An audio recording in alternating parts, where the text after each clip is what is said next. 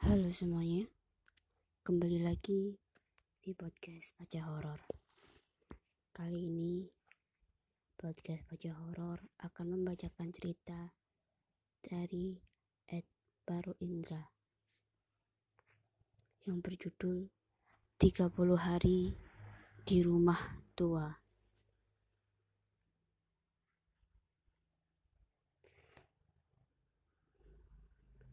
Dari kejadian nyata 30 hari tinggal seorang diri di rumah kos dengan berbagai gangguan hampir setiap malam. Foto hanya ilustrasi semata karena ini cerita tahun 2013. Rumah di bukit kecil dekat dengan Serayu di Banjarnegara. Cerita ini bermula saat aku memutuskan untuk mencari kerja pada 2013 silam. Bermodalkan niat dan fisik yang gak good looking, akhirnya temanku Wan menawarkan pekerjaan di daerah Banjarnegara. Bawaanku tak berat, hanya baju dan sedikit kenangan pahit mengiringi mengiringi jalanku menuju kota yang lekat dengan wisata Dieng ini. Dua jam lebih dari kota asal sampailah di alun-alun Banjarnegara untuk rehat makan. Masih jauhan, tanyaku. Enggak bar, nanti kita langsung cari kos ya. Duitmu ada kan buat kos? Jawab, jawab Wan penasaran. Tampang dan tampang dan dompetku saat itu memang sedang akur mirisnya. Dengan jurus melasku aku menjawab, uangmu dulu Wan nanti gajian tak bayar hehe. Wala ya wis balas Wan singkat.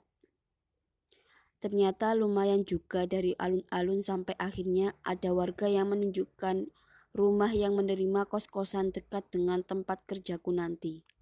Oh iya aku kerja bareng Wan di usaha peternakan ayam potong milik keluarganya. Ketukan pertama pintu rumah cukup untuk penghuni rumah membukakan pintunya dan terlihat sosok ibu yang sudah tua terlihat dari kerutan wajahnya mempersilahkan kami buat duduk. Seperti sudah tahu kalau kami adalah calon penghuni, penghuni rumah kos ibu ini. Namanya Busum. Raut mukanya sangat ramah, menerima kami sebagai tamunya. Cari kosan mas, tanya Busum. Nggih bu, yang kosong ada berapa kamar? Semua lagi kosong kok mas, mau dua kamar. Iya bu, kompak kami menjawab. Bentar, ibu, ibu bikin teh dulu ya. Oh iya, makasih bu, jawab kami. Busu melipir ke dapur membuatkan kami dalgona kafe. Eh, teh anget maksudnya. Wan, rumahnya kecil gini kamar kosnya, yang mana toh? Tanyaku penasaran memperhatikan rumah kos yang aku yakini hanya memiliki dua kamar tidur. Tidak paham aku, tanya aja nanti. Mataku kemudian berhenti melirik seisi rumah setelah Busum datang membawakan dua cangkir teh hangat. Minum dulu mas. Kalau kos ada lima kamar, yang dua sekat kayu bukan tembok permanen. Sewa 150 ribu per bulan satu kamar. Gak apa-apa kalau mau berdua. Busum melanjutkan. Murah sekali pikir kami. Rasa penasaranku makin besar. Di mana, di mana letak kamar itu? Kamarnya yang mana, Bu? Tanyaku. Busum tersenyum dan berdiri dari duduknya. Rumah kos ibu. Rumah kos ibu bukan di sini, tapi jalan ke atas lagi 200 meteran. Ibu antar sekarang biar tahu ya. Kami berjalan kaki ke arah rumah kos itu. Sampai tiba di jalan setapak dengan tapak batu kali di kebun yang lebih terlihat seperti bukit kecil dengan rumah tua yang cukup besar. Yaitulah rumah kos Busum yang seperti sengaja memisahkan diri dari dari gerombolan war, dari gerombolan rumah warga di bawahnya. Ini kebun ibu, ditanami biar hijau. Rumahnya kayak gini mas, lihat dulu aja dalamnya. Setelah sedikit mendaki, sampailah kami di depan rumah tua Busum.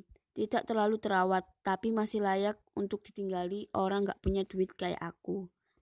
Ini dalamnya, kamarnya pilih aja, ada dapur di belakang, sebelah kamar nomor lima. Gimana mas? Busum menawarkan. Gimana Wan? Dua kamar ya murah, cocok kan? Bisikku pelan pada Wan untuk memastikan. Ya oke lah, udah capek juga cari yang murah, jawab Wan. Busum terus tersenyum dan akhirnya kami mengiyakan untuk tinggal di rumah tua ini. Kami bergegas turun kembali ke rumah Busum. Motor selalu dititipkan di garasi rumah Bukos. Hanya kunci gerbang Busum dan kunci rumah tua yang diberikan. Hari ke-1 Halaman depan dipenuhi tumbuhan dan pohon pisang sam sampai jambu. Jalan setapak untuk turun ke rumah warga hanya ditandai batu-batu sungai seraya serayu yang tidak jauh dari rumah ini. Suara sungai juga terdengar. Hari itu juga kami membersihkan seisi rumah dan sedikit tumbuhan liar. Tak terasa senja datang. Lagu peradaban berdendang. Eh, enggak, itu maksudnya azan maghrib berkumandang. Wan sedang serius menerima telepon dari entah siapa. Aku memutuskan untuk lebih man lebih dulu mandi. Bar, aku diterima kerja di sekolah di Bawang. Sebulan dikasih kos deket sana Sebulan dikasih kos deket sana dulu. Aku nggak jadi kerja sama bapakku. Kamu nggak apa-apa sendirian toh? Teriak Wan dari balik pintu kamar mandi. Gak apa-apa Wan, terus kapan mulainya? Jawabku. Aku habis isya balik, balik dulu ke Karangkobar. Ngambil berkas kubar. Lah terus aku, lah terus gak nginep dulu sini. Langsung pulang dulu. Jawabku setelah keluar dari kamar mandi. Dadakan, dadakan nok bar. Ya wis wan rezekimu iku. Wan Wan pulang dengan motor dan tas bajunya. Aku lapar dan memutuskan untuk turun ke bawah mencari makan malam. Sesampainya di kamar kos, aku mematikan lampu tengah dan mengunci kamar untuk tidur. Mataku mulai kupaksa terpejam istirahat, tapi kupingku terasa terganggu. Pukul 10 malam, aku mendengar suara nafas berat seperti nafas yang lelah atau mungkin nafas orang sakit. Jarak rumah tetangga paling dekat sekitar ada 100 meter. Suara itu masih terdengar teratur. Kalaupun suara ngorok, orang macam apa yang ngoroknya kayak toa masjid. Semakin ku cari suara itu seperti ada di kamar nomor satu. Ku dekatkan kupingku di pintu kamar nomor lima. Dan suara itu terdengar. Rrr. Pikirku mulai menerka-nerka penasaran. Mulai samar tapi cukup lama. Sampai suara itu berhenti dan hilang dan sekembalinya berselimut, aku sampai tak sadar tertidur pulas malam itu. Hari kedua. Kerja di hari pertama. Aku menaiki motorku dan bergegas ke peternakan ayam usaha milik orang tua Wan. Harapanku hari ini Wan bekerja bersamaku. Tapi Wan sudah dapat pekerjaan yang dia impikan dari awal, ya daripada mengurusi bau ayam di peternakan. Jam pulang jam pulang kerjaku tepat sebelum maghrib untuk sampai rumah kos. Jadi setiap pulang ke kos yang aku lihat ya rumah tua besar yang masih gelap sebagai tempat tinggal ternyamanku saat ini. Ingin mengeluh tapi sadar aku miskin.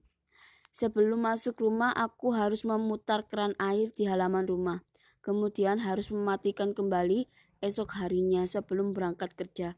Itulah satu-satunya peraturan dari Busum selaku pemilik rumah kos ini. Menyalakan lampu ruang tengah, melepas pakaian dan kemudian bergegas ke kamar mandi.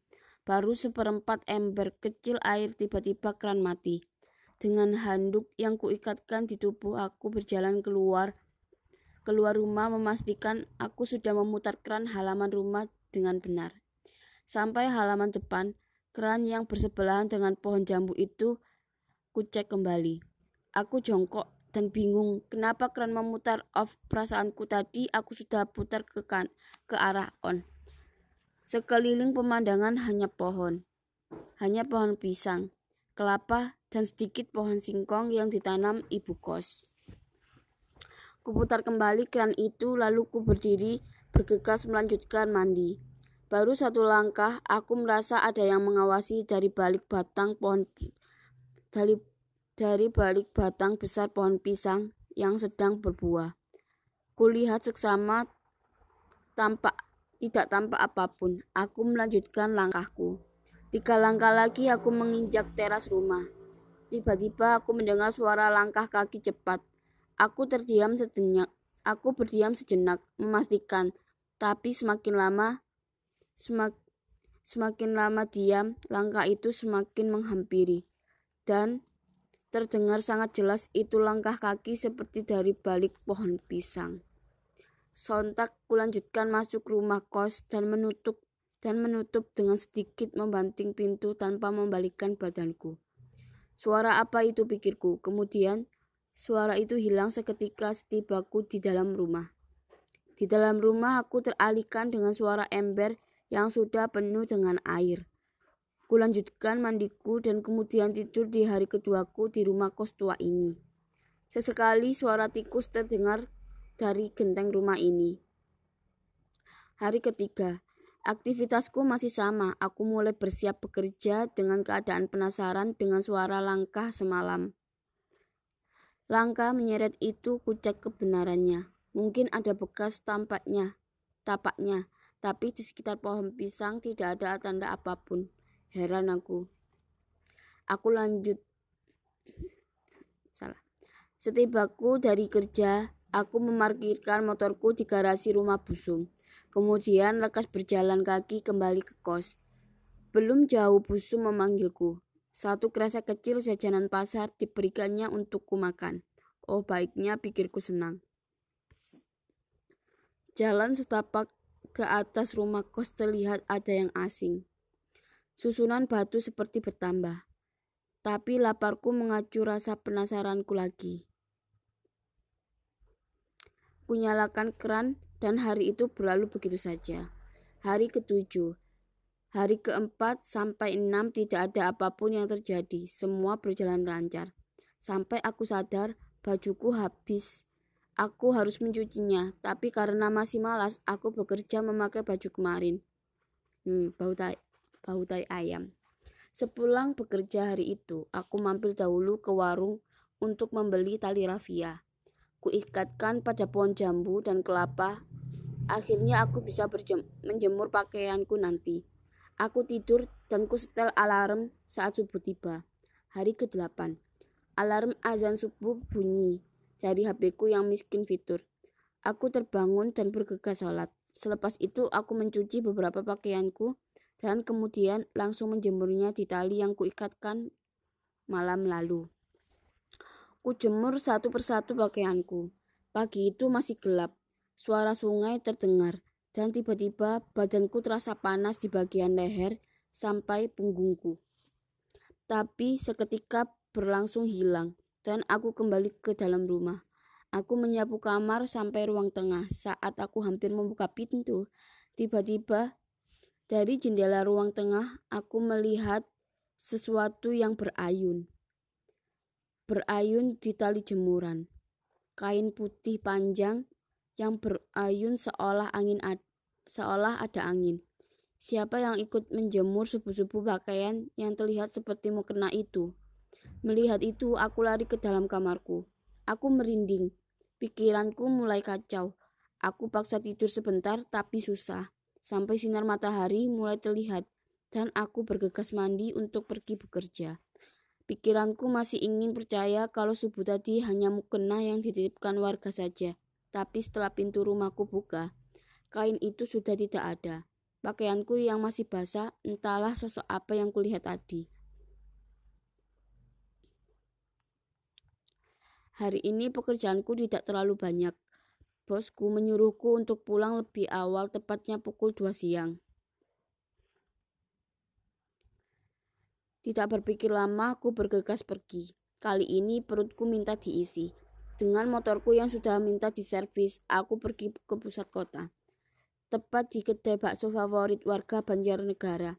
Aku memarkirkan kendaraanku. Aku pesan satu mangkok dan es teh manis.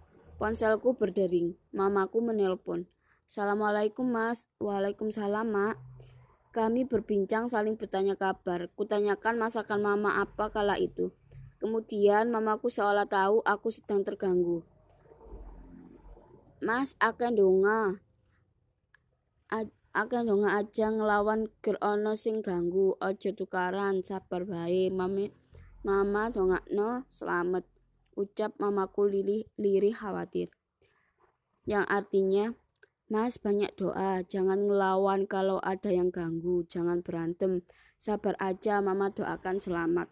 Iya mak, amin, jawabku singkat. Semangkuk bakso yang datang menghampiri mengakhiri percakapanku.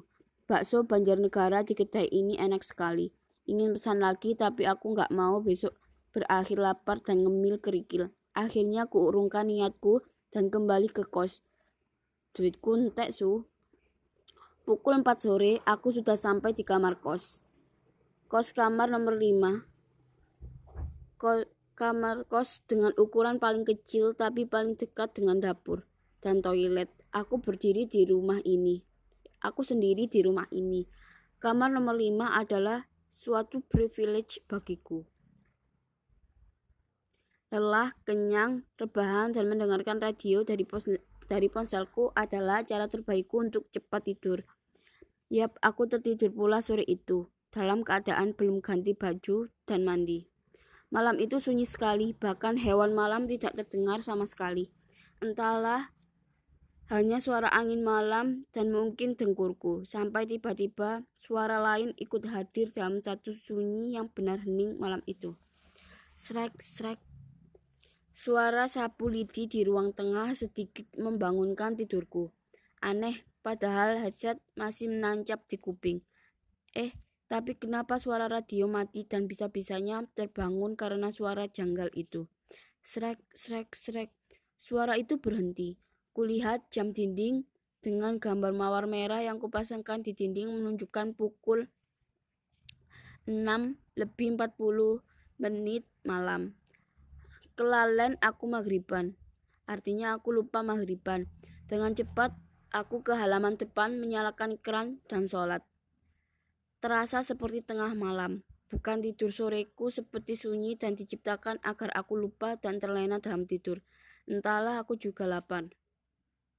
Malam semakin larut, jam 10 aku masih belum bisa tidur. Mungkin tidur soreku cukup untuk mataku melek sampai subuh datang. Ku coba terus terpejam dan aku menyerah. Ku buka pintu kamar dan duduk di kursi plastik satu-satunya di ruang tengah. Ku memandangi seisi rumah. Kamar satu dan dua adalah kamar yang cukup besar. Kamar tiga dan empat adalah satu kamar yang, disi, yang disekat dinding partisi kayu. Dengan sedang kamarku nomor lima di ujung, bersebelahan dengan toilet dan dapur. Kurasa kamarku itu bukan kamar privilege, tapi kamar pembantu. Jam 11 malam, suhu mulai terasa dingin. Mataku masih awet tidak mengantuk. Air mataku mengandung formalin sepertinya. Selain bermain game gak jelas, aku juga sesekali chat dengan beberapa kenalanku di FB. Sebagai kenalan sebagian kenalanku ini bekerja di PT Mencari Cinta Sejati. Sungguh gabut malam itu. Sampai tiba-tiba lampu ruang tengah berkedip seperti mau mati. Pikirku ruang tengah berkedip Pikirku mungkin tombolnya kurang dalam kupencet.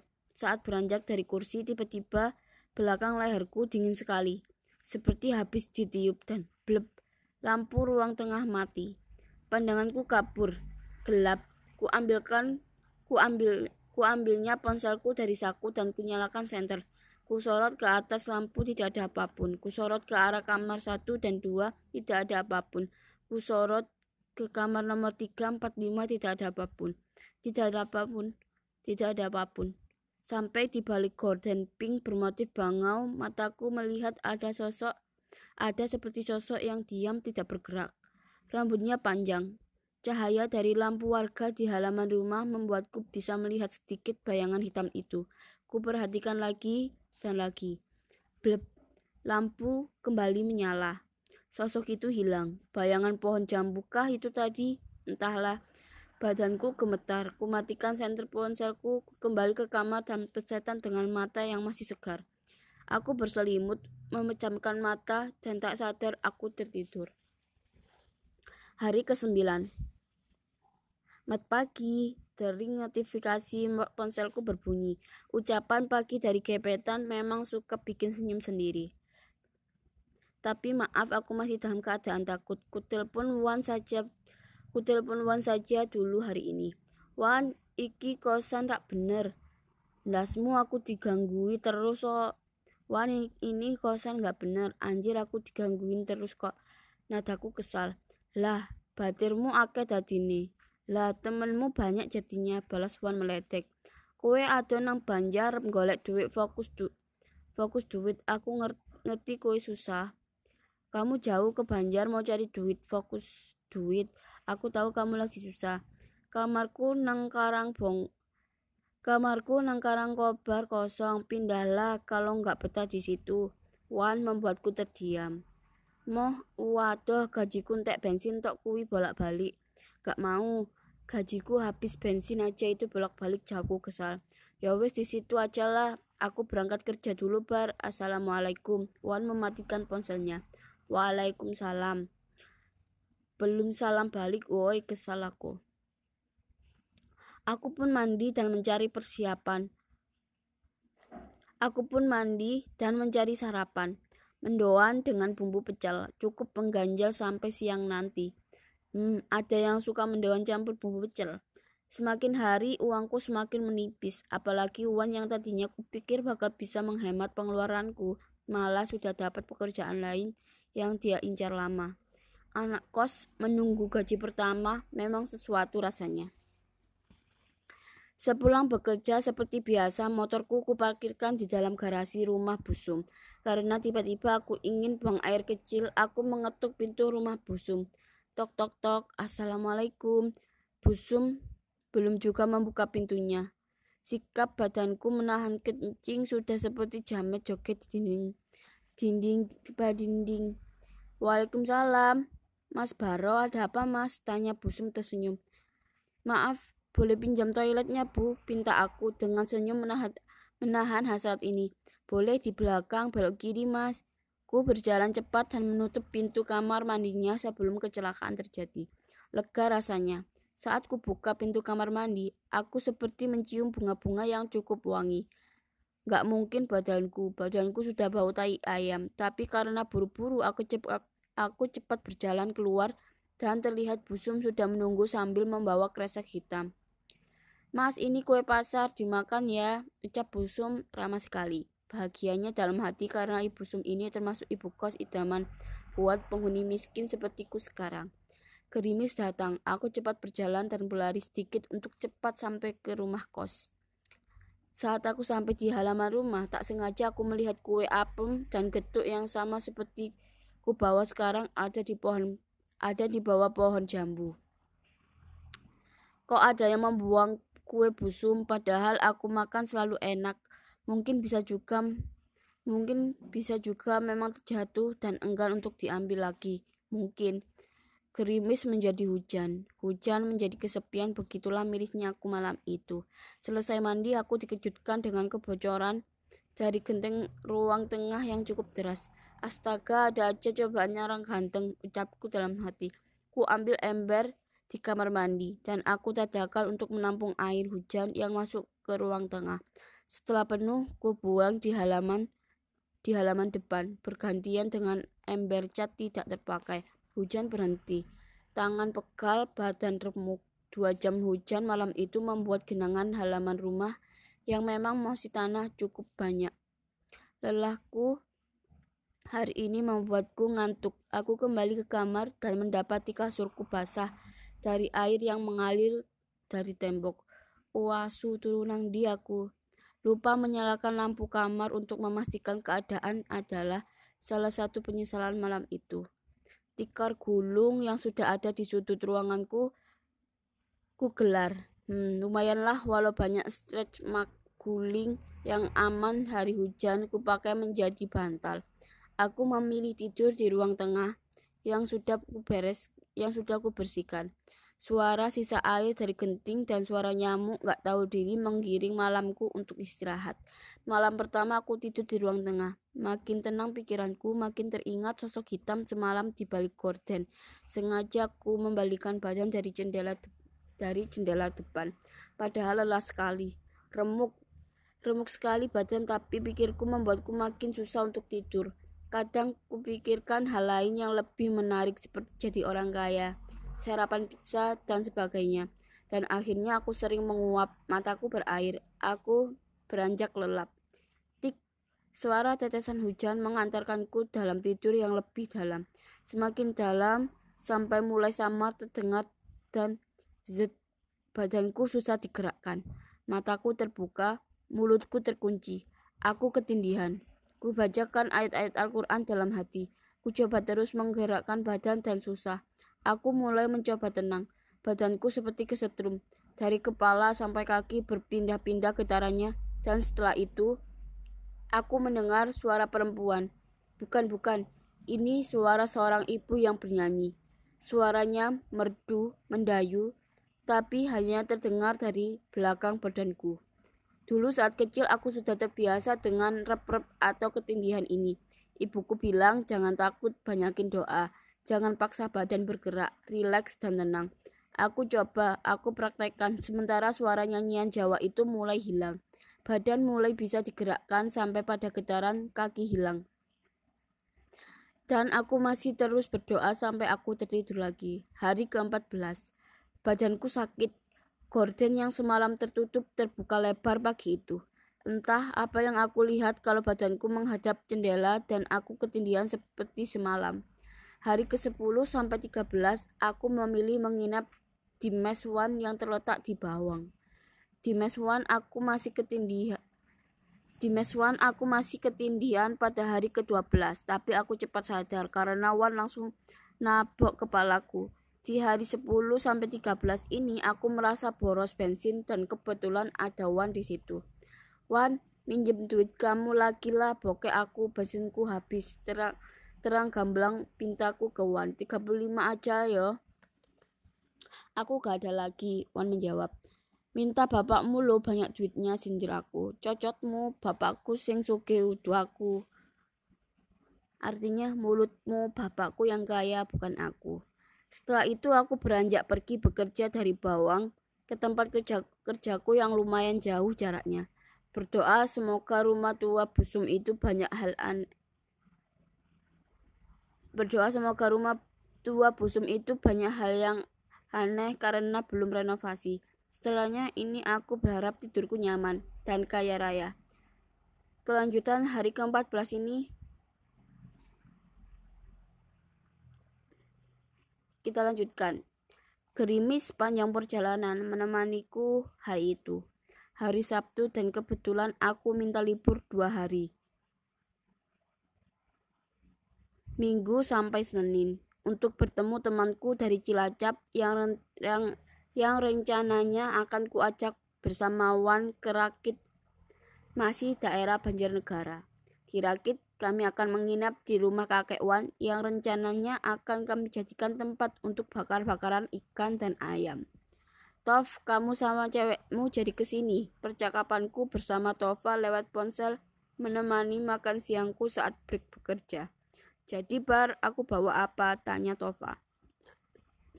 Beruang Tov, Yo ikan, cila Cilacap kan dekat sama laut. Gimana kamu ini? Keselku menjawab. Ikan lele po. Dasmu Dasmu atau staf staf ngomong karo kowe jadi emosi aku serah iwak petik gawe bae, gawa bae. Tof yang artinya tof tof ngomong sama kamu jadi emosi aku terserah ikan ayam bawa bawa aja. Ya wis bertak kabari maningko. Tova ini temanku di kota Cilacap yang tampangnya memang idaman kaum wanita, tapi otaknya nggak ada, kosong. Tapi ceweknya cantik, aku kalah, hatiku malah kopong. Aku pulang ke rumah kos kembali dan memang betul sudah diperbaiki. Bahkan kasut dan selimutku sudah dimasukkan ke dalam keadaan kering di ruang tengah. Baiknya ibu kosku walau rumahnya tak sebaik walau rumahnya tak sebaik busum. Hujan besar dan petir menghantuiku malam itu, tapi beruntung tidak ada kebocoran lagi, hanya tetesan air kecil yang masuk dari sela genting yang kurang rapat. Anggap saja percikan, in, percikan itu humi, humidifier kamarku. Hujan masih deras sampai aku mengantuk. Kuletakkan ponselku dan mulai mencoba tidur.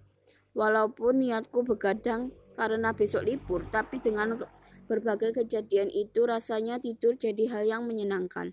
Mataku mulai terpejam, rasanya nikmat sekali mendengar suara hujan di genting dan angin yang kencang bertiup membuat dedaunan saling berbisik bertabrakan. Instrumen indah malam itu yang mengatur tidurku sangat cepat.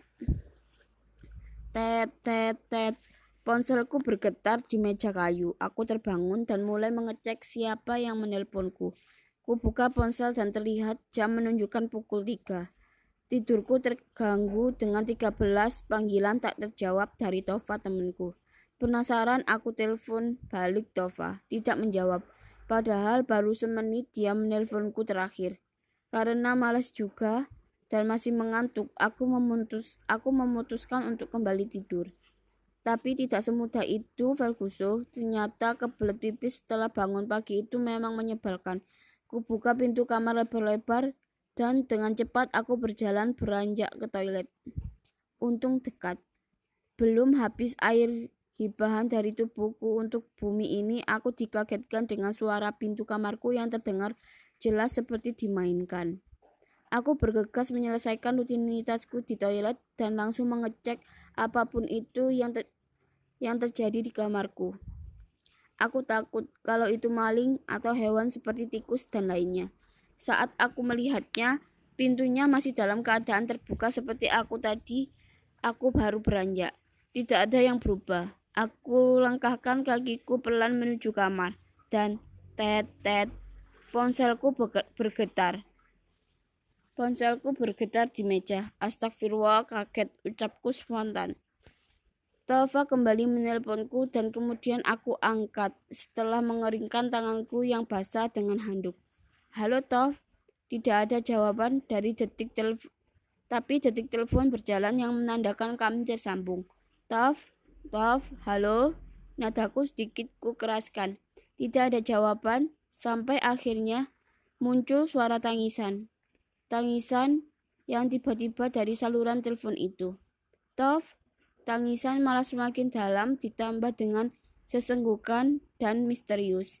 Taf, woi budek ya malah nangis Taf. Masih diam. Kemudian beberapa saat kemudian tangisan itu berhenti. Hening. Dan lima menit sudah dan lima menit sudah detik durasi kami terhubung. Hanya suara sinyal seakan berdengung.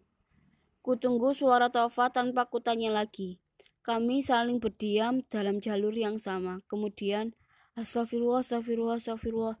Aku mengucap astagfirullah karena terkaget mendengar teriakan dan tangisan keras yang memekakkan telingaku. Wah, wah dan asu. Tova tiba Tova tiba-tiba menjawab setelah lama. Cacat mulu, kaget aku. Dinta ini malah ngomong karo nangis. Kaget aku ditungguin baru ngomong sambil nangis ucapku. Tak tinggal guyu bar aku putus karo tak, ting tak tinggal guyu bar aku putus bar karo Leni. Lah bisa nih kok bisa putus toh? Tanya aku penasaran. Besok aku cerita langsung ke di situ stres aku balas Tova ya wes sabar ya Tov ya bar besok tak kabari kalau OTW siap Tov akhirnya kami mengakhiri telepon pagi pagi buta itu jam sudah menunjukkan pukul setengah empat pagi karena sudah jam tanggung, akhirnya aku mengeluarkan beberapa pakaianku untuk direndam. Sembari menunggu aku membuka Facebook. Cucianku sudah siap. Aku akan menjemur beberapa pakaianku di halaman depan seperti biasa. Langkahku sekarang semakin pelan, takut dengan beberapa hari yang lalu seperti melihat sosok hitam. Pintu mulai kubuka pelan. Angin tiba-tiba berhembus lumayan kencang masuk ke dalam rumah. Aku tidak melihat sesuatu yang aneh subuh ini, kecuali kemudian aku tidak sadar setelah melihat kembali apa yang aku bingungkan sebelumnya. Ada pakaian putih yang dijemur panjang dan lumayan tebal. Aku beranikan diri untuk mendekat karena ya memang kain itu juga mengambil ruang kosong tali jemuranku. Untung pakaianku tidak banyak, jadi aku tidak perlu menggesernya. Aku menjemur kemeja dan celana panjangku. Satu kemeja batik aku jemur dan jepit. Dua celana panjang aku jemur dan jepit. Satu kemeja kerja aku jemur dan jepit. Dan sisa satu lagi kemeja hitamku. Saat aku menunduk mengambil kemeja terakhirku dari ember, kemudian aku berdiri dan, loh, tadi ruangan tali jemuran ini masih bisa buat dua kemeja. Kenapa sekarang satu kemeja saja tidak cukup gumamku dalam hati. Dengan terpaksa aku menggeser kain putih itu ke sebelah kanan tanpa menghiraukan rasa penasaranku tadi. Saat tangan kananku memegang kain itu tiba-tiba anjrit. Ngapain dijemur kalau masih lengket kesalku dalam hati. Kain putih itu memang lengket, seperti direndam berhari-hari dan tidak diperas, langsung dijemur. Baunya juga seperti tanah liat. Kemudian kuurungkan niatku menggesernya lagi. Selesai aku menjemur, aku kembali ke dalam rumah saat aku tutup pintu rumah. Angin dingin kembali masuk tertium. Aku Aku kuncikan pintu dan bersiap untuk sholat subuh. Azan subuh terdengar, kemudian aku bergegas dan kemudian berniat kembali tidur sampai siang, karena sore nanti aku dan temanku berniat ke desa Rakit untuk bakar-bakaran. Ku lepas sarungku dan kemudian menguap setelah tubuhku menyentuh kasur dan bantal. Sebelum juga tidur, aku mendengar rintik hujan yang selalu membesar dan deras. Ya, hujan di saat aku baru saja menjemur pakaianku. Aku bergegas berlari untuk menyelamatkan cucianku di halaman depan rumah. Saat aku membuka kunci pintu rumah dan menariknya, rasanya seperti ada yang menahannya dari luar. Aku kunci kembali dan membukanya karena makin error pikirku. Ternyata benar bisa membuka, tapi kemudian saat dibuka, saat pintu terbuka setengah, aku menyesal membukanya. Sangat menyesal karena dihadapkan karena di hadapanku sekarang bukan sosok hitam, Bukan suara ibu menyanyi sendu, bukan.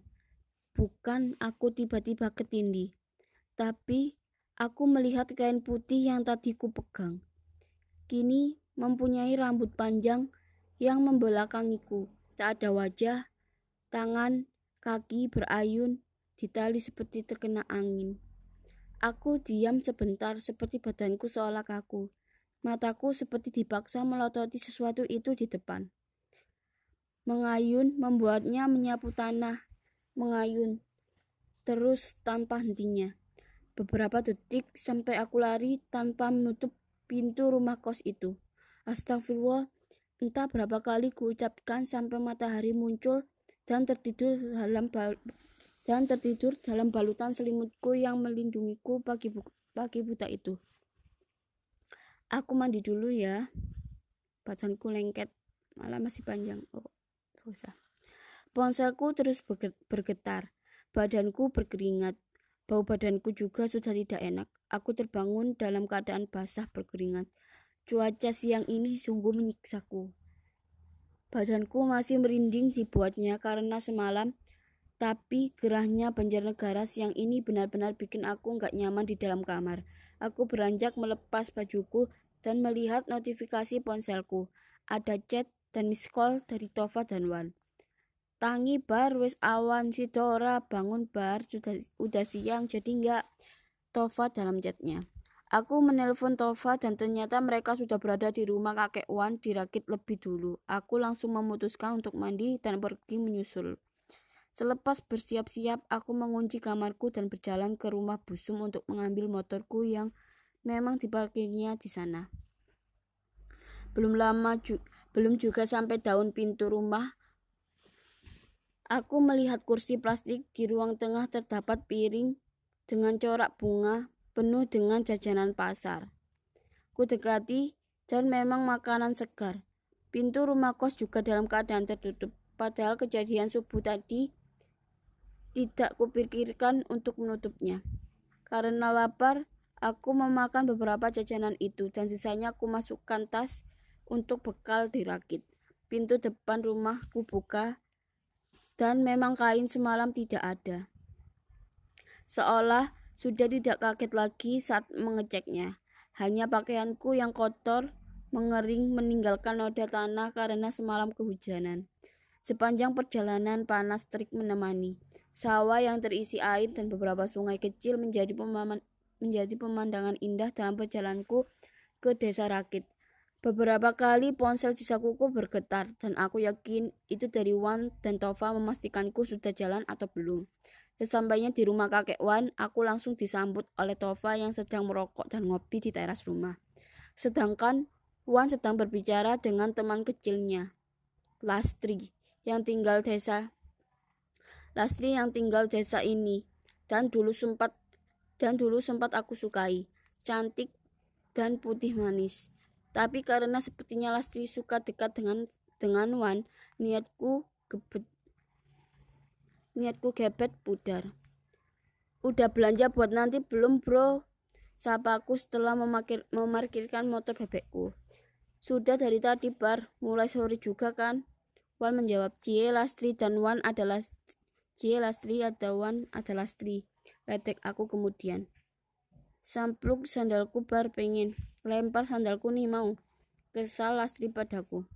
Kami banyak mengobrol sore itu, tapi Tova yang baru saja putus dengan pacarnya memilih sering diam bermain dengan HP-nya. Kalau tidak kutanya jarang-jarang.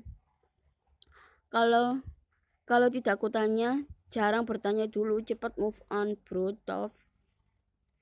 Malam hari ini cerah, tidak hujan seperti hari-hari sebelumnya. Kami sibuk menyiapkan beberapa batu bata yang disusun menjadi pawon alat pemanggang untuk membakar ayam dan ikan yang sudah dibumbui. Lastri makin cantik, kadang kulirik sedikit walau matanya sering melihat Wan. Tova menyiapkan arang yang memang banyak disimpan di rumah kakek Wan ini. Kakek Wan tidak banyak berinteraksi selain mendengarkan radio saluran Jawa bersama kopi hitamnya di ruang TV. Tov, HPmu ada musik Tov, HPmu ada musik apa? Puterlah biar nggak krik banget. Pintauan pada Tova. Nggak banyak, bentar. Kemudian playlist kalau Tova menemani kami dan menyanyi ber, dan bernyanyi malam itu bersama-sama. Malam mulai larut, obrolan mulai habis. Ingin aku bercerita tentang apa yang terjadi semalam tapi kuurungkan niatku karena aku lebih ingin melupakan kejadian itu.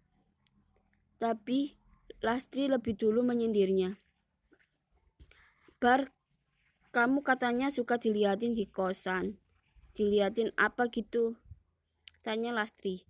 Ya suara-suara aneh, ketindian gitulah Tri. Jawabku singkat ingin menyudahi.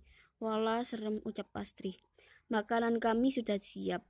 Wangi ikan bakar membuat perut berbunyi terus. Kemudian kami membawa, membawanya ke teras rumah untuk kemudian bersantap. Setelah kami siap bersantap, Wan menanyakan satu hal yang terasa kurang. Tova di mana? Dalaper ini, tanya Wan pada kami. Oh iya, saat kami sibuk membakar ikan dan ayam, aku tidak sadar Tova ke mana. Tadi ke WC, mules kayaknya. Lastri menjawab. Lama banget ke WC, tak samperin dulu. Wan kemudian berdiri. Aku wae, Aku juga pengen pipis. Aku berdiri dan memang memilih daripada canggung berdua di keningan malam bersama Lastri di, hadap, di hadapanku. Jalan kaki menuju WC di rumah kakek Wan ini cukup jauh karena WC-nya terletak bersebelahan dengan sumur. Harus melewati empang lilit dan juga sedikit kebun yang dipenuhi pohon pisang dan pohon jati. Aku berjalan dan sampailah di depan sumur. Pintu WC memang tertutup tapi seperti tidak ada aktivitas di dalamnya. Aku berteriak memanggilnya. Tov, buruan, lapar nih, ditungguin Tov. Tidak ada jawaban. Tidak ada jawaban dari kamar mandi. Beberapa panggilanku tidak terjawab dan aku memilih balik badan dan kembali untuk makan. Ya, laparku tak tertahankan malam itu. Suara sandal jepitku yang menginjak kerikil jalanan kecil menuju sumur terdengar karena sunyinya malam Sampai akhirnya aku mendengar se seperti suara batu kecil yang masuk ke dalam sumur. Plung. Aku membalikan badanku dan mencari tahu mungkin Tova sedang jahil. Wan pasti banyak cerita tentang aku yang sering digangguin. Ah, tapi ini bukan di rumah tua itu. Tova, suwe temen, dari aku. Ku panggil lagi, tidak menjawab. Ku cari dalam kegelapan beberapa lama juga tidak ada jahutan. Tidak ada sahutan balik dari Tova atau melihat keberadaan dia, sampai jantungku berdegup kencang dengan apa yang aku lihat dari dari balik tembok pembatas sumur dan kebun pisang. Wajahnya pekat hitam, matanya merah, terbungkus kain putih dan berdiri di balik tembok, hanya kepala sampai leher yang terlihat. Aku mematung. Sosok itu terdiam, terbungkus dan terikat kain kotor. Ya, itu pocong. Astagfirullah. Aku teriak dan berlari. Sandal jepitku lepas satu dan tak kuhiraukan. Nafasku terengah-engah. Kemudian Wan, Lastri, dan Tova berdiri menyaksikanku seperti orang ketakutan. Lah, ada apa bar? Tanya Wan. Asu, kue tak samper malah nang kini. Anjing kamu tak samperin malah di sini umpat depan Tova. Aku udah balik kok dari toilet kata Wan. Kata Wan kamu pipis dulu. Balas Tova buatku bingung. Serius Tov? Tadi aku samperin di WC kamu ke mana? Kataku dengan nada marah. Aku dari WC kok. Kamu nggak ada. Kamu nggak ada aku lihat. Tanya Tova. Lah, aku kira gantian ke WC. Wan menimpal.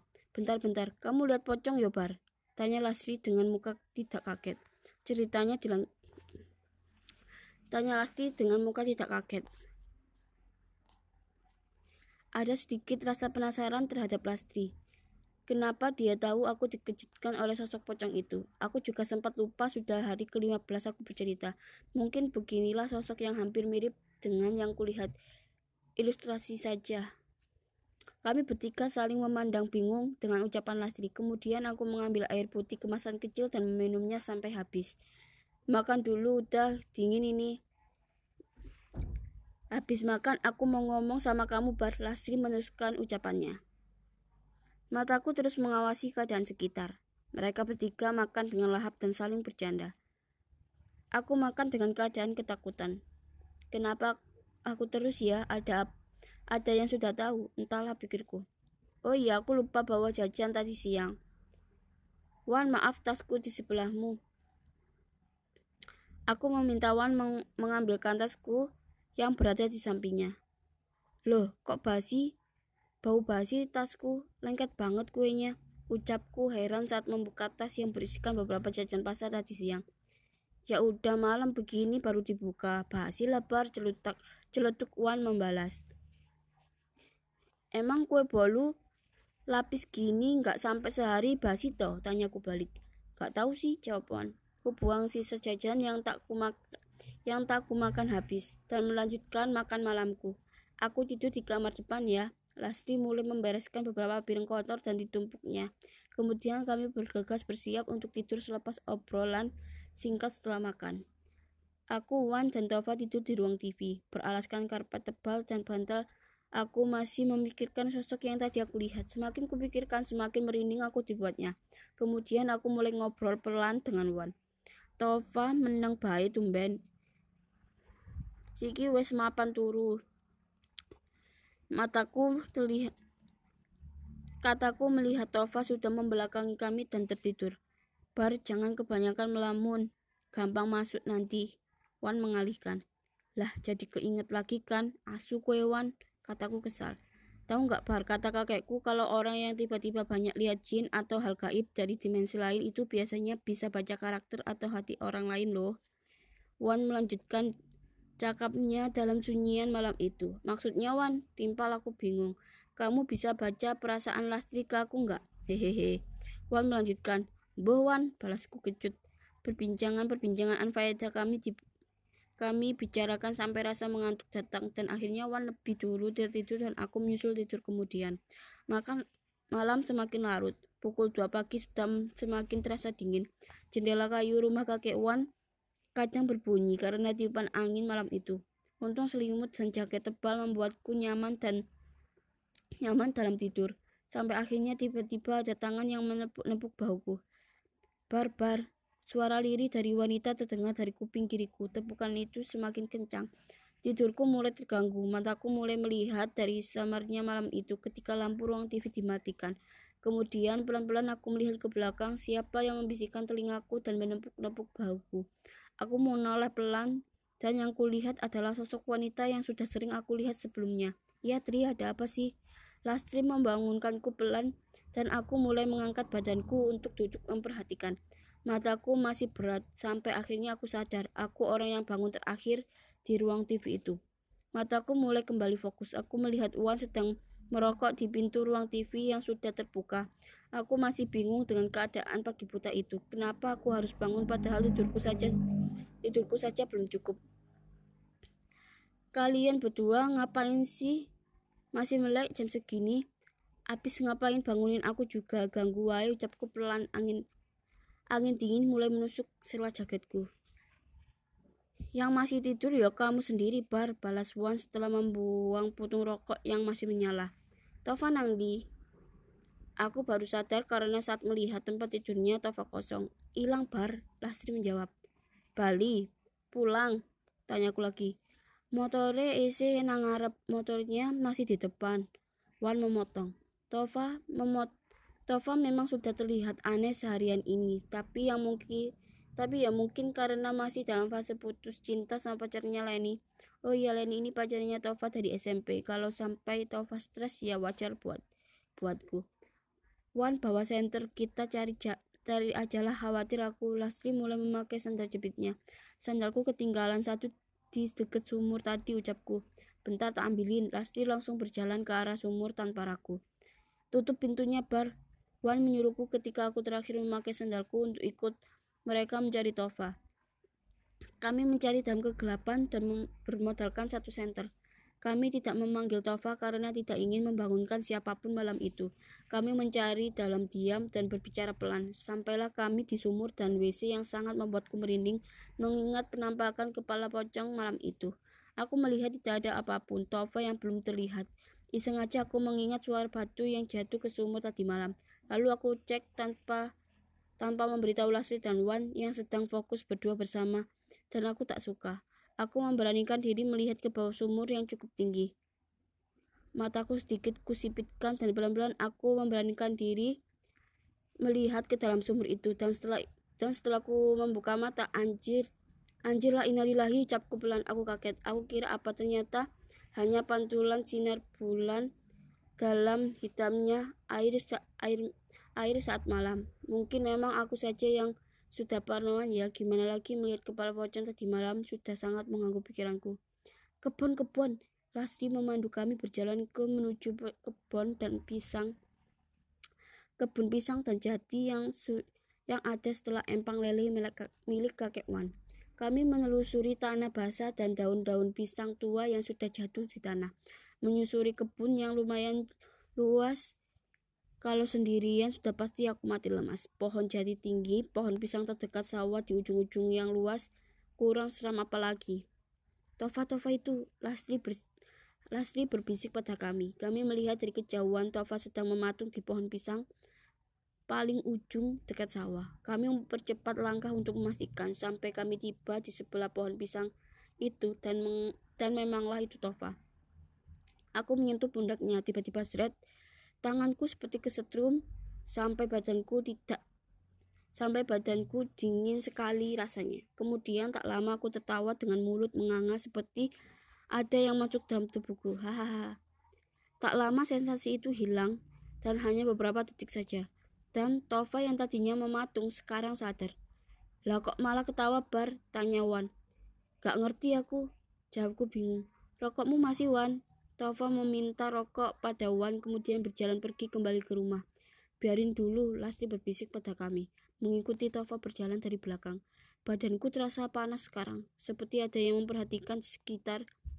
Tapi sampai pada Tova membuka pintu rumah, aku tidak melihat apa pun sepanjang perjalanan. Kemudian Lasti memilih ke dapur dan membuatkan Tova Tova kopi hitam. Tova yang sudah duduk di kursi jati depan TV meminumnya sambil menghabiskan sisa rokoknya dan memijat sendiri sela jari-jarinya. Ketemu wujud apa tadi Tov? Tanya, tanya Lastri. Leni. Jawab Tova singkat.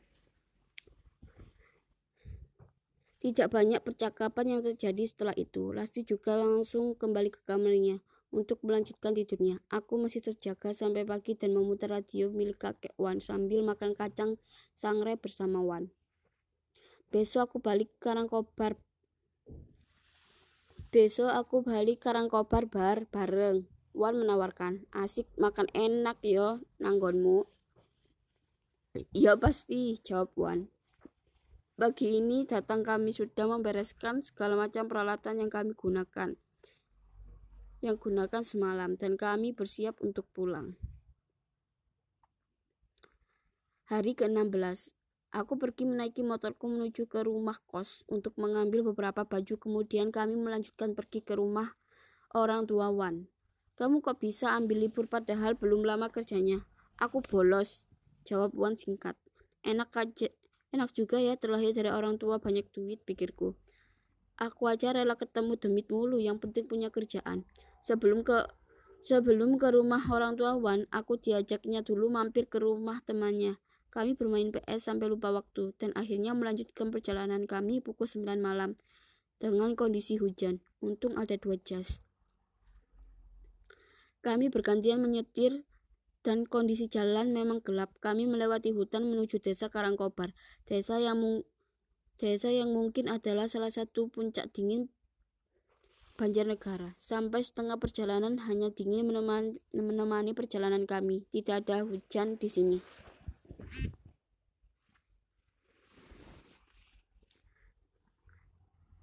Kami kanan kiri hanya hutan dan pepohonan besar yang nampak yang nampak gelap. Aku mulai terasa mengantuk beberapa kali. Aku menguap. Wan tetap memacu kendaraannya untuk sam untuk cepat sampai di rumah. Halo semuanya, kembali lagi di podcast Baca Horor.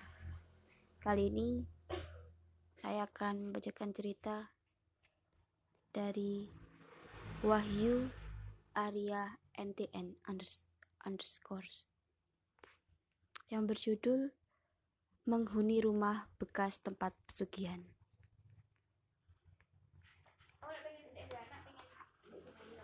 Cerita ini saya adopsi dari pengalaman seorang kerabat lama saya yang beberapa waktu lalu sempat bertemu dengan saya dan menceritakan pengalaman kelamnya ini. Sebuah cerita masa kuliahnya masa lalu yang sempat menghuni rumah kontrakan, yang mana bukan rumah kontrakan biasa. Disclaimer, narasumber atau kerabat saya meminta segala nama toko dan tempat untuk tidak disebutkan secara gamblang. Oleh karena itu, dalam cerita ini, semua tokoh dan tempat saya samarkan. Tetapi, alur dan peristiwa-peristiwa dalam cerita saya tulis sesuai dengan apa yang diceritakan dan dialami narasumber dan kawan-kawannya secara langsung. Jadi, kalau nanti saya kebablasan menyebutkan nama tempat, saya minta untuk dijadikan konsumsi sendiri saja. Selamat malam semuanya. Semoga kita semua senantiasa dalam lindungan Allah Subhanahu wa taala. Sebagai manusia, memang sudah menjadi kewajiban kita untuk menjalankan semua perintah Allah Subhanahu wa taala dan meninggalkan segala larangan-larangannya. Tetapi bagi sebagian orang yang sudah terlen, terlena dan terobsesi dengan harta di dunia, maka akan terus mengikuti bawa nafsunya dan akan melahirkan cinta kepada dunia. Cinta kepada dunia akan melahirkan cinta kepada harta dan kedudukan. Cinta kepada harta dan kedudukan akan melahirkan sikap menghalalkan segala yang diharamkan olehnya. Sekali lagi, syukuri segala hal yang sudah kita punya sekarang. Sekali lagi, saya ingatkan, bagi pembaca yang mengenali lokasi yang saya ceritakan, saya minta simpan buat diri sendiri saja. Tidak perlu nebak atau bertanya-tanya di kolom komentar karena saya takut kalau terbongkar akan menimbulkan dampak yang membahayakan bagi narasumber atau saya pribadi. Tolong bantu saya. Saya yakin kalian semua dapat dipercaya. Saya tidak ragu untuk menghapus cerita ini. Apabila setelah saya menulis cerita ini kemudian ada hal-hal yang tidak diinginkan terjadi. Bisa dipahami ya? Oke, saya anggap bisa. Sudah lebih dari 10 tahun yang lalu, tatkala aku mengenyam pendidikan tinggi yang jauh dari rumah. Ada sebuah kenangan yang mungkin hingga sekarang menjadi salah satu kenangan yang saat aku mengingatkan yang saat aku mengingatnya. pasti aku akan bergidik ngeri dan tidak percaya untuk pernah mengalaminya. Bagaimana tidak? Aku yang memutuskan mengambil kontrakan rumah dengan kawan-kawan dengan niatan lebih hemat, malah membuat kami ketakutan hampir setiap malam selama berbulan-bulan lamanya. Aku sebut saja namaku Joko. Kala itu, aku adalah mahasiswa di salah satu perguruan tinggi di kota besar yang ada di Pulau Jawa, yang akan memasuki semester kedua perkuliahan. Menjadi anak perantauan memaksaku untuk bisa hidup mandiri, jauh dari keluarga di sini. Sejak awal kuliahku di semester pertama, aku menempati kos yang tak jauh dari kampusku berada. Tapi Seiring berjalannya waktu, lambat laun aku mengenal satu persatu kawan satu kelasku. Bahkan aku banyak sekali mengenal kawan-kawan baru yang ber, yang berbeda ber, yang berbeda jurusan denganku. Itu karena di kampus aku mengikuti salah satu UKM yang membuatku dipertemukan oleh mereka semua. Jok, habis rapat ngopi di depan kampus yuk sama anak-anak ajak salah satu temanku yang bernama Sugeng. Siap, jawabku singkat sambil mengangkat jempol tanganku ke arahnya. Kami berdua mengikuti UKM yang sama. Setelah rapat rutin UKM, aku dan Sugeng dengan tiga temanku yang lain sebut saja Anto, Pras, dan Faiz. Lepas rapat, dengan motor kami masing-masing, kami berlima lantas bertolak menuju kedai kopi yang tak jauh dari area kampus. Aku sendiri menganggap ajakan ini biasa saja, karena sudah sering sekali kami ngopi bersama. Sesampainya, aku memesan espresso segelas kecil, yang tiap kali aku ke sini pasti memesannya. Lalu kami ambil tempat yang memojok, agar saat berisik tidak ada yang merasa terganggu dengan kami. Basa-basi ngobrol pun kami mulai. Hampir semua topik pembicaraan kami libas semua. Masalah kuliah, urusan rumah, organisasi, politik, hingga membahas perempuan pun tak luput dari pembahasan kami. Eh, gimana progresmu sama si Nia Pras? Tanyaku. Karena yang ku ketahui ia sedang mendekati Nia, perempuan di fakultas sebelah. Gimana ya Jok, sainganku roda empat eh, minder aku, jawabnya. Sudah toh Pras, kalau dirimu masih yakin, terjang. Kalau menurutmu sudah cukup, ya wis ikhlaskan. Seru Anto sambil menepuk-nepuk bahu Pras seraya menenangkan suasana hatinya. Ah, begitulah cintanya. Memang benar cinta itu dalam hati dan rasa, tapi cinta bisa membedakan mana kendaraan yang mampu membuatnya nyaman tatkala duduk di atasnya. Semangat Pras, semangat, ucapku menyemangatinya. Eh, eh, begini. Jok, Pras, Is, aku malam ini ngajak kalian kumpul ini karena mau menawarkan suatu hal, ucap Sugeng. Apa geng? Jawabku. Apa ik? Tanya Pras dan Faiz. Begini, rencana aku sama Anto mau ngajak kalian ngontrak ba ngontrak rumah bareng. Biar kita bisa ngumpul bareng. Selain itu, kontrakannya murah kok. Jadi kalau dihitung-hitung dengan pengeluaran kos tahun, lebih irit kalau ngontrak di rumah di rumah ini. Pung pungkas Sugeng. Emang berapa? Tanya Faiz. Tujuh setengah juta is. Kamarnya tiga luas juga. Serius? Tanyaku dan Pras bersamaan. Iya serius. Jawab Faiz sambil memperlihatkan foto rumah yang di samping yang disimpannya. Jauh nggak dari jauh gak dari kampus. Tanya Pras gak deket tapi nggak jauh juga sih tengah-tengah lah toh kita bawa motor semua kan jelas sugeng Gini aja, kita agendakan survei ke sana bareng, biar bisa lihat semuanya. Kalau sudah pada tahu semuanya, kalau sudah pada tahu kan semuanya nanti gampang buat mutusin gimana usulku. Siap, oke. Jawab semua bersamaan. Singkat cerita, tiga hari pas Singkat cerita, tiga hari pasca kami berkumpul sepulang kuliah, kami berlima janjian untuk survei ke rumah yang dimaksud Sugeng dan Anto. Kusela motor legend Kusela motor le legendku Honda Win. Warisan dari bapakku ini. Walaupun motor tua, tapi bisa diadu dengan kecepatan motor-motor sekarang. Yuk gas, ajak Sugeng. Kami berlima saling bonceng, aku dengan Pras, Anto, dan, Jok dan Joko. Sementara Sugeng sendiri memimpin perjalanan kami. Dengan jalan pelan, kami berlima berkendara menyusuri jalanan. Perlahan, jalan semakin sepi, seiring kami yang semakin masuk wilayah perkampungan. Kelak-kelok jalanan kampung kami lalui dengan hati-hati. Tawa anak-anak yang berlarian tak lepas kami lihat di sudut-sudut kampung. Bahkan ibu-ibu yang tengah asik ngerumpi pun kami jumpai.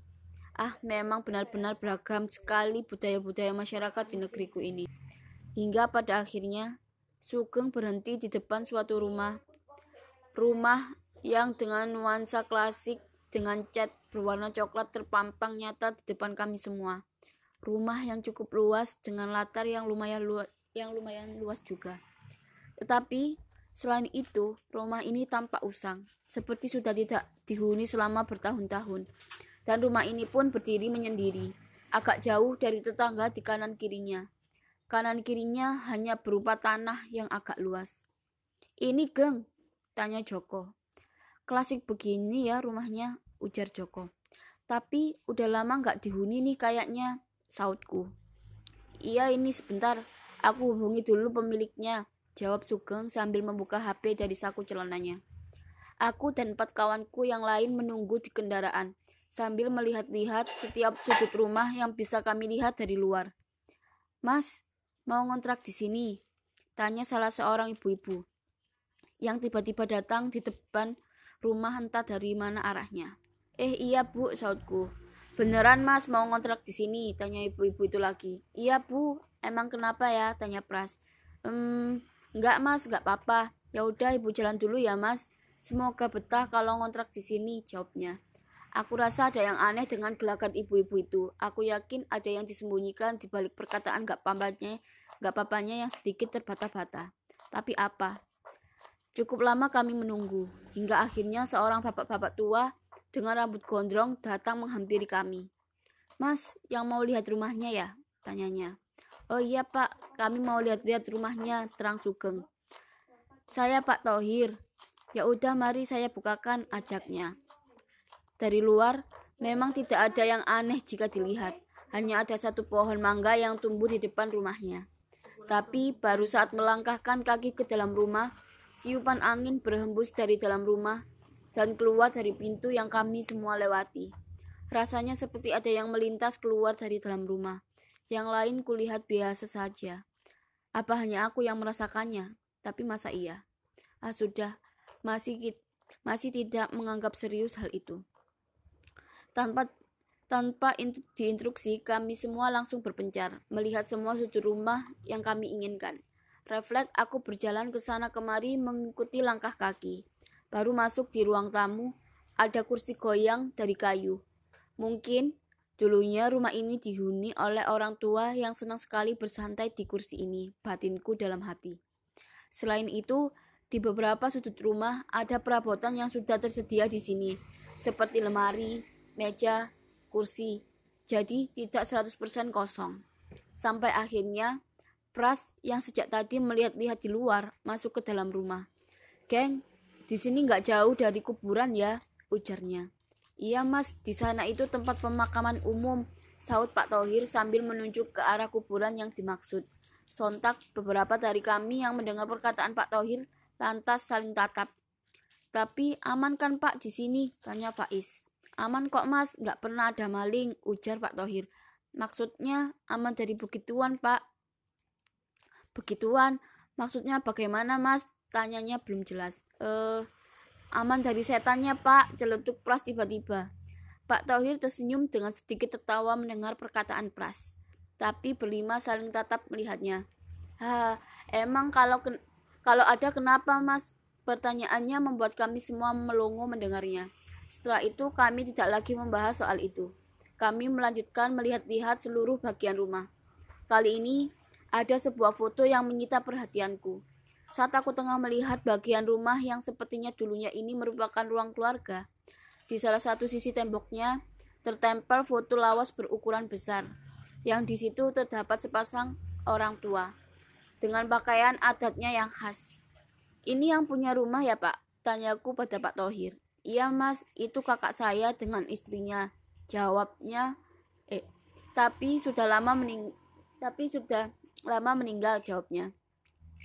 Oh, karena sakit pak, tanyaku lagi. Hmm, iya mas, jawab Pak Tohir.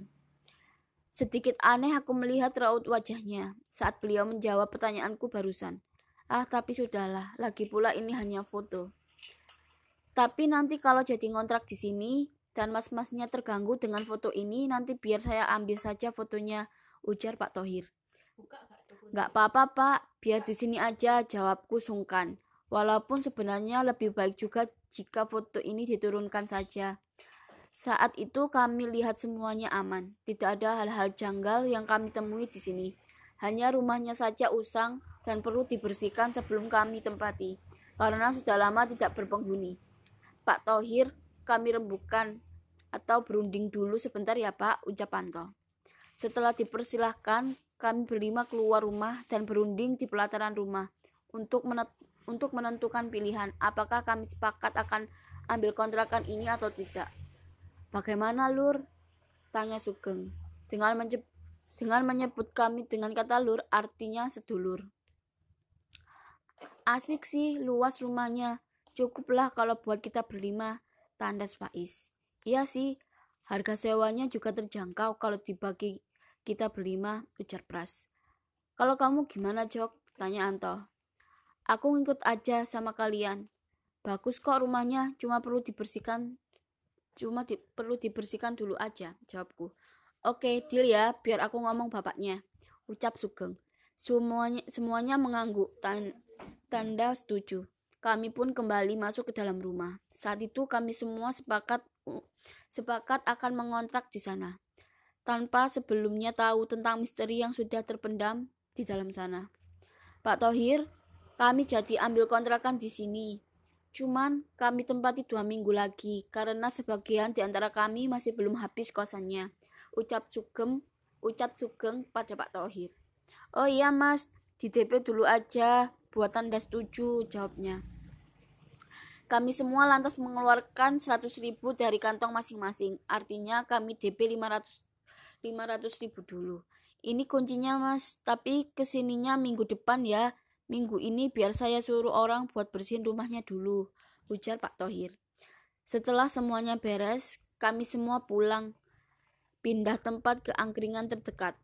Pras, pas lihat-lihat rumahnya tadi ada yang aneh nggak? Tanyaku pada Pras saat perjalanan. Enggak, Jok. Kenapa? Enggak apa-apa sih, tanya aja jawabku. Hari demi hari berjalan. Kami berlima mulai memindahkan barang-barang ke rumah kontrakan baru yang akan kami huni. Hingga tak terasa, kos-kosan kami semua telah habis. Sekarang kami mulai pindah dan menetap di kontrakan tersebut. Masalah kamar, aku kebagian dengan Anto menempati kamar belakang. Pras dengan Faiz di kamar tengah, dan sementara Sugeng ia menghuni kamar depan sendiri. Tapi pembagian ini hanya formalitas saja. Kami semua bisa tidur di kamar mana saja, asal kasurnya mu masih muat. Di awal-awal kami ngontrak, suasana seru selalu kami rasakan. Karena enaknya ngontrak bersama memang seperti ini. Bisa susah senang bersama, tapi suasana ini tidak berlangsung lama. Setelah satu bulan di sini, kejanggalan pertama ditemui oleh Faiz. Saat ia pulang duluan ke kontrakan di siang hari, setibanya di kontrakan, ia menjumpai rumah yang sudah dalam keadaan terbuka. Ia memanggil satu persatu nama kami dari luar. Pikirnya, kami tiba-tiba ikut pulang dan mendahului Faiz. Tapi saat itu Faiz tidak, mendapat, tidak mendapatkan jawaban apa pun. Faiz semakin penasaran. Sebenarnya ada siapa di dalam. Karena ia ingat betul Pagi tadi kami berangkat bersama dan sudah memastikan kalau pintu rumah sudah di, sudah terkunci.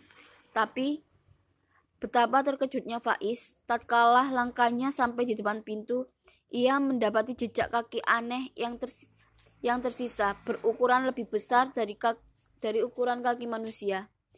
Jejak ini bercampur dengan tanah merah, seperti tanah-tanah kuburan. Ia tidak tahu jejak kaki makhluk apa itu. Bukannya takut, Faiz malah semakin penasaran. Ia berjalan masuk ke dalam rumah. mengikuti tapak jejak yang ternyata mengarah ke loteng belakang rumah dan habis di sana. Saat dicek ke sana sudut saat dicek ke semua sudut rumah, ia tidak menemukan apa pun di dalam rumah. Saat semuanya sudah sampai di kontrakan, Faiz menceritakan semuanya ini dan menanyakan adakah barang-barang kami yang hilang. Tapi syukurlah semua barang aman.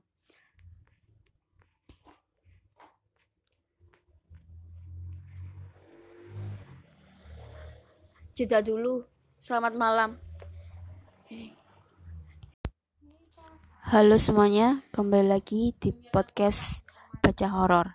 Kali ini podcast Baca Horor akan bercerita dari Simple Man M81378523. Semua berawal dari DM di Twitter saya. Seseorang ingin bertanya, perihal tentang ada nggak sih seseorang yang ilmu, entah hitam atau putih, yang ada di dalam dirinya dipergunakan untuk melakukan sesuatu di luar logika, seperti mengambil saripati kehidupan. Jawaban saya ada. Ini adalah DM dari seseorang. Misi Om mau nanya, semoga dibaca ya. Misalnya gini nih, si A kan sakit. Sakit tua gitu sih, dan emang udah lama sakitnya. Nah, terus ada si B. Nah, si B ini pas hari Senin siang jenguk si A tadi. Eh, kok pas hari Selasa siang si B udah nggak ada om alias meninggal. Dan ada dua orang yang diambil setelah jenguk si A tadi. Dan sekarang si A ini sehat walafiat. Padahal kemarin sempet denger dia udah nggak ada. Ada kaitannya nggak sih om orang-orang yang meninggal tadi, apalagi yang si B tadi dengan si A? Ya aku tahu sih umur emang udah ketetapan Allah, tapi aku tuh negatif thinking terus om. Aku yakin kok kayak ada kaitannya antara meninggalnya si B dengan si A, yang awalnya sakit tapi sekarang udah sehat banget. For your information, for your information om, emang katanya si A tuh emang kayak orang pinter pas zaman dulu tuh. Kayak misal mau nikah gitu, nah nyari tanggal yang bagus sama dia. Kami kan orang Jawa, nah ya masih pakai tanggal bagus gituan om. Dan yang gitu, dan ya yang si A itu yang si A tadi tuh emang asli orang Jawa. Katanya ada yang jagain dia, umurnya 200 tahun. Please om jawab, rasa penasaranku ya. Kalau misal emang salah, aku minta maaf banget Om. Makasih Simple Man. Kebetulan sekali pembahasan kali ini sedikit lebih serius dan gelap tentu saja. Karena seseorang yang akan diceritakan ini kekerabatannya sangat dekat dengan diri saya. So, saya sedang menimbah apakah akan menceritakan semua secara gamblang Lalu apa hubungannya dengan jarum? Saya akan ceritakan dengan tempo yang lambat ya, perihal ilmu-ilmu ini. Ada sebuah rumah di salah satu kota besar. Sebut saja begitu. Saya males menyebut lokasi, karena kota ini cukup familiar bagi orang-orang. Rumah ini besar, besar sekali. Anehnya, dari luar, rumah ini tampak seperti rumah biasa pada umumnya bahkan cenderung kecil. Saya pun dulu begitu. Setiap kali melintasi rumah tersebut, tak terlihat tanda-tanda bahwa rumah ini luasnya nyaris tujuh kali rumah orang pada umumnya. Benar-benar tak terduga. Pertama kali saya menginjakkan kaki di sana, tentu saja saya tidak percaya, kaget, dan begitu kagum. Pasalnya, tidak ada yang istimewa dari bangunannya benar-benar seperti rumah orang pada umumnya. Tapi tapi ini yang masih bikin nyali saya ciut. Sekali saja masuk ke rumah itu, orang paling tidak sensitif sekalipun pasti merasakan teror nger teror ngeri yang masih tersisa di sana. Tweet pertama saya yang pernah saya tulis di Twitter bisa dibaca kalau mau, menceritakan rumah teman saya yang dulu dipasang tumbal karena nenek moyang mereka orang yang kaya raya. Penggunaan tumbal dilakukan untuk melindungi harta benda mereka. Akibat dari pemasangan tumbal itu, membuat aura rumah menjadi gelap. Bila saya diajak ke rumah itu, maka saya bersumpah tidak akan pernah mau. Rumah tempat Nini Towo tinggal sudah membuat saya trauma. Lalu bagaimana dengan rumah yang akan kita ceritakan ini? Rumah ini sepuluh kali lipat lebih gelap dari rumah itu. Saya tidak pernah melebih-lebihkan sesuatu, terutama bila saya melihatnya langsung. Lalu, apa alasan rumah itu begitu gelap? Jawabannya, karena penghuni sebelumnya sudah meninggal pernah ngilmu di tahap yang sudah tidak biasa yang tidak bisa diobati lagi. Sentuh dia dan nyawa menjadi bayarannya. Mungkin intronya sudah lebih dari cukup. Kita mulai saja ceritanya. Sejujurnya, saya benar-benar akan membawa kalian masuk ke sisi lain dari manusia. Kenapa manusia itu sangat unik? Tidak ada yang bisa menebak jalan pikiran maupun perbuatannya bahkan orang yang kalian pandang paling baik sekalipun. Di mata orang lain bisa menjadi mimpi buruk terbesar yang bahkan tidak pernah kalian bayangkan sifatnya sebelumnya.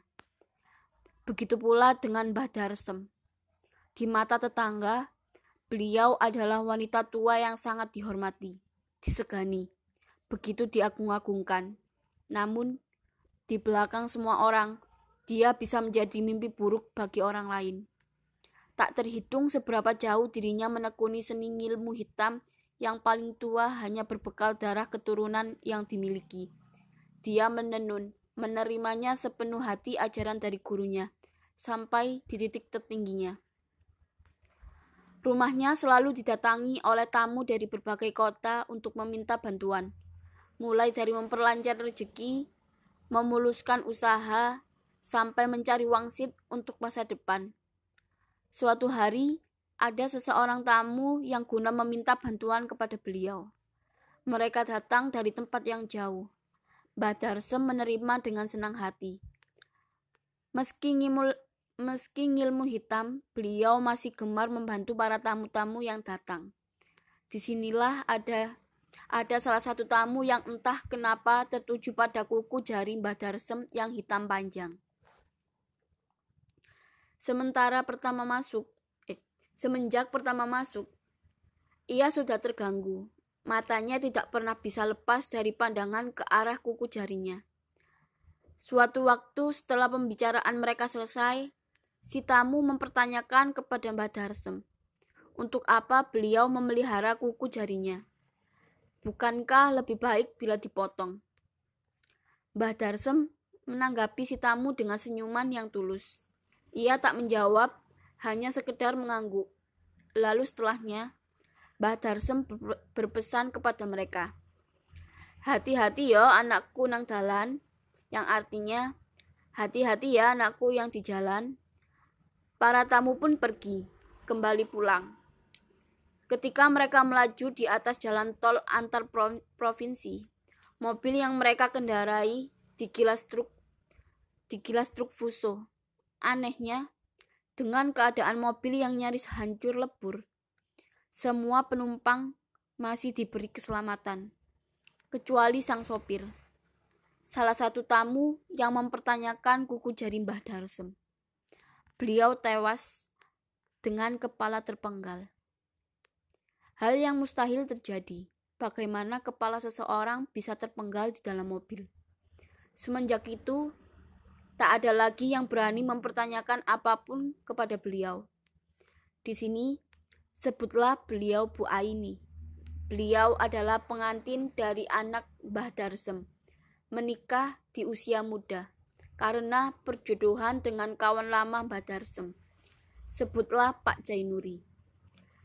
Bila Mbah Darsem dikenal dengan ilmu hitamnya, Pak Jainuri adalah kebalikannya. Ketaatan di dalam agama membuat semua orang menghormati beliau dengan gelar haji tersemat di namanya. Sampai saat ini saya masih mencari korelasi bagaimana hubungan ini bisa terjadi. Namun, yang saya tahu, hanya Mbak Darsem menemui Pak Jainuri. Lalu menawar anak perempuannya agar diperistri oleh anak lelaki kesayangannya. Konon, Mbak Darsem sudah meramalkan nasib mereka kelak. Bila kedua anaknya ini dipersatukan dalam ikatan yang sah, kekayaan yang tak akan pernah habis akan mengiringi perjalanan hidup mereka. Pak Jainuri meski memiliki pegangan agama yang kuat, beliau masih memiliki sifat manusia. Ia tentu tergoda, meski beliau tahu ada apa di belakang wanita tua itu. Sebelumnya saya tegaskan ya, beliau-beliau di cerita ini tidak mengamalkan ilmu kejawen yang biasa saya angkat melainkan ilmu hitam keturunan dari negara yang dari negara na, dari negara yang ya Kalian tahulah negara mana yang paling tua peradabannya. Sempat terjadi penolakan dari Bu Aini. Siapa yang mau dinikahkan di usia yang masih muda, apalagi ia tak mengenali siapa calon suaminya. Namun, bagai kalap, Pak, Pak Jainuri sampai ingin menghabisi anaknya sendiri, sehingga membuat semua keluarganya kaget apa yang melatar belakangi ambisi ini. Akhir cerita ini, mereka tetap dinikahkan meski penuh muslihat dan paksaan. Lalu apa yang terjadi? Entah bagaimana Mbah Darsem meramalkan hal itu. Karir anak kesayangannya melesat tinggi, bagaikan uang tak ada bagaikan uang tak ada habis-habisnya, singgah di rumah beliau, Sinting. Namun di sinilah semua bermula. Aini, menantu dari Mbah Darsem, mulai mengetahui segala, segalanya.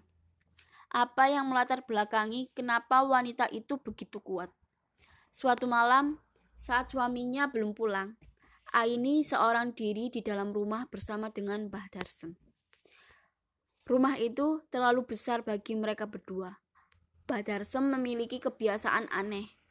Setiap kali surup datang, ia akan mengurung diri di dalam kamar, mengunci pintu tanpa ada satupun orang yang tahu apa yang beliau lakukan di dalam kamar. Aini selalu penasaran dengan hal ini. Mbah Darsem sendiri orang yang tertutup, tidak banyak bicara, sehingga membuat Aini merasa sungkan bila terjebak berdua di dalam rumah ini. Suatu ketika, setelah maghrib, Aini berjalan menuju ke dapur.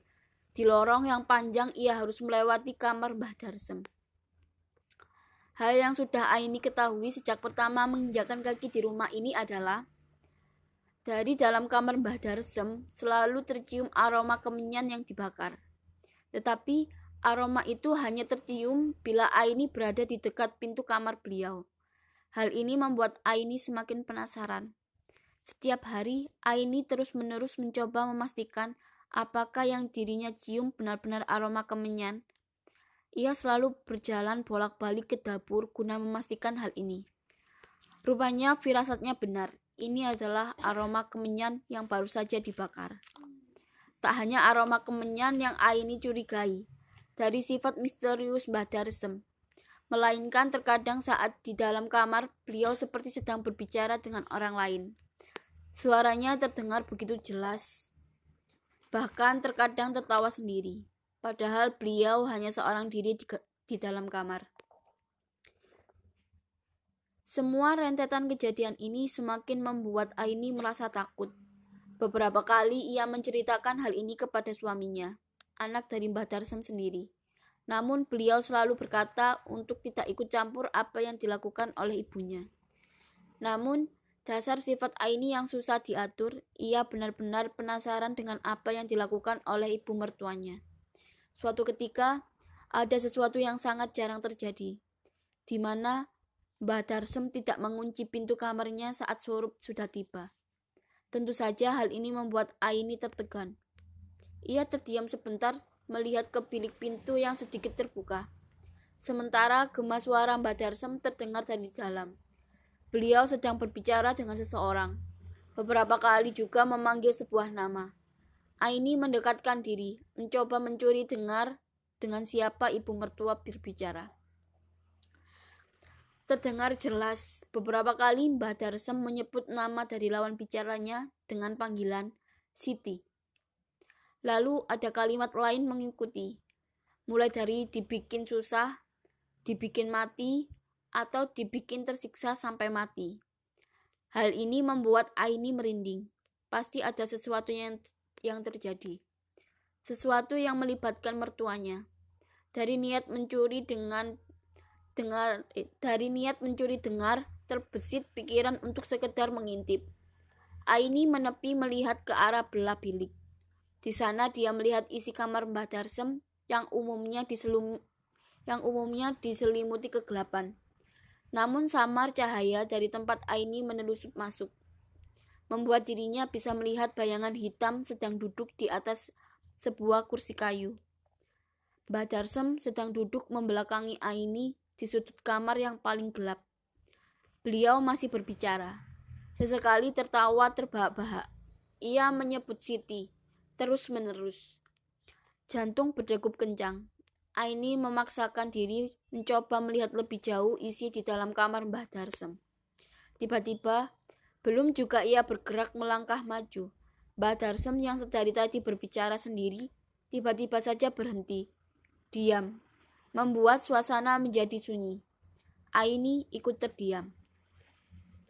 Tak lama kemudian, Mbah Darsem tertawa. Namun, nadanya terdengar berbeda dari biasanya. Figur mengenak Figur mengenakan pakaian putih dengan rambut keriting panjang terurai di punggung terlihat oleh Aini. Sejenak, beliau menoleh meski hanya sekelumit wajahnya melihat ke arah pintu. Di sanalah Aini melihat bayangan samar Mbah Darsem melihatnya dengan senyum menyeringai. Tak lama, pintu bilik yang sedikit terbuka berderit sebelum menutup dengan sendirinya. Aini tak dapat berkata apa-apa. Ia termangu merasakan ketakutan memenuhi dirinya. Ia diperingatkan.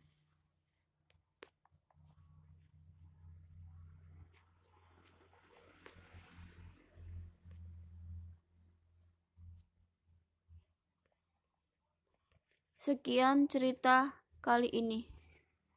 Terima kasih.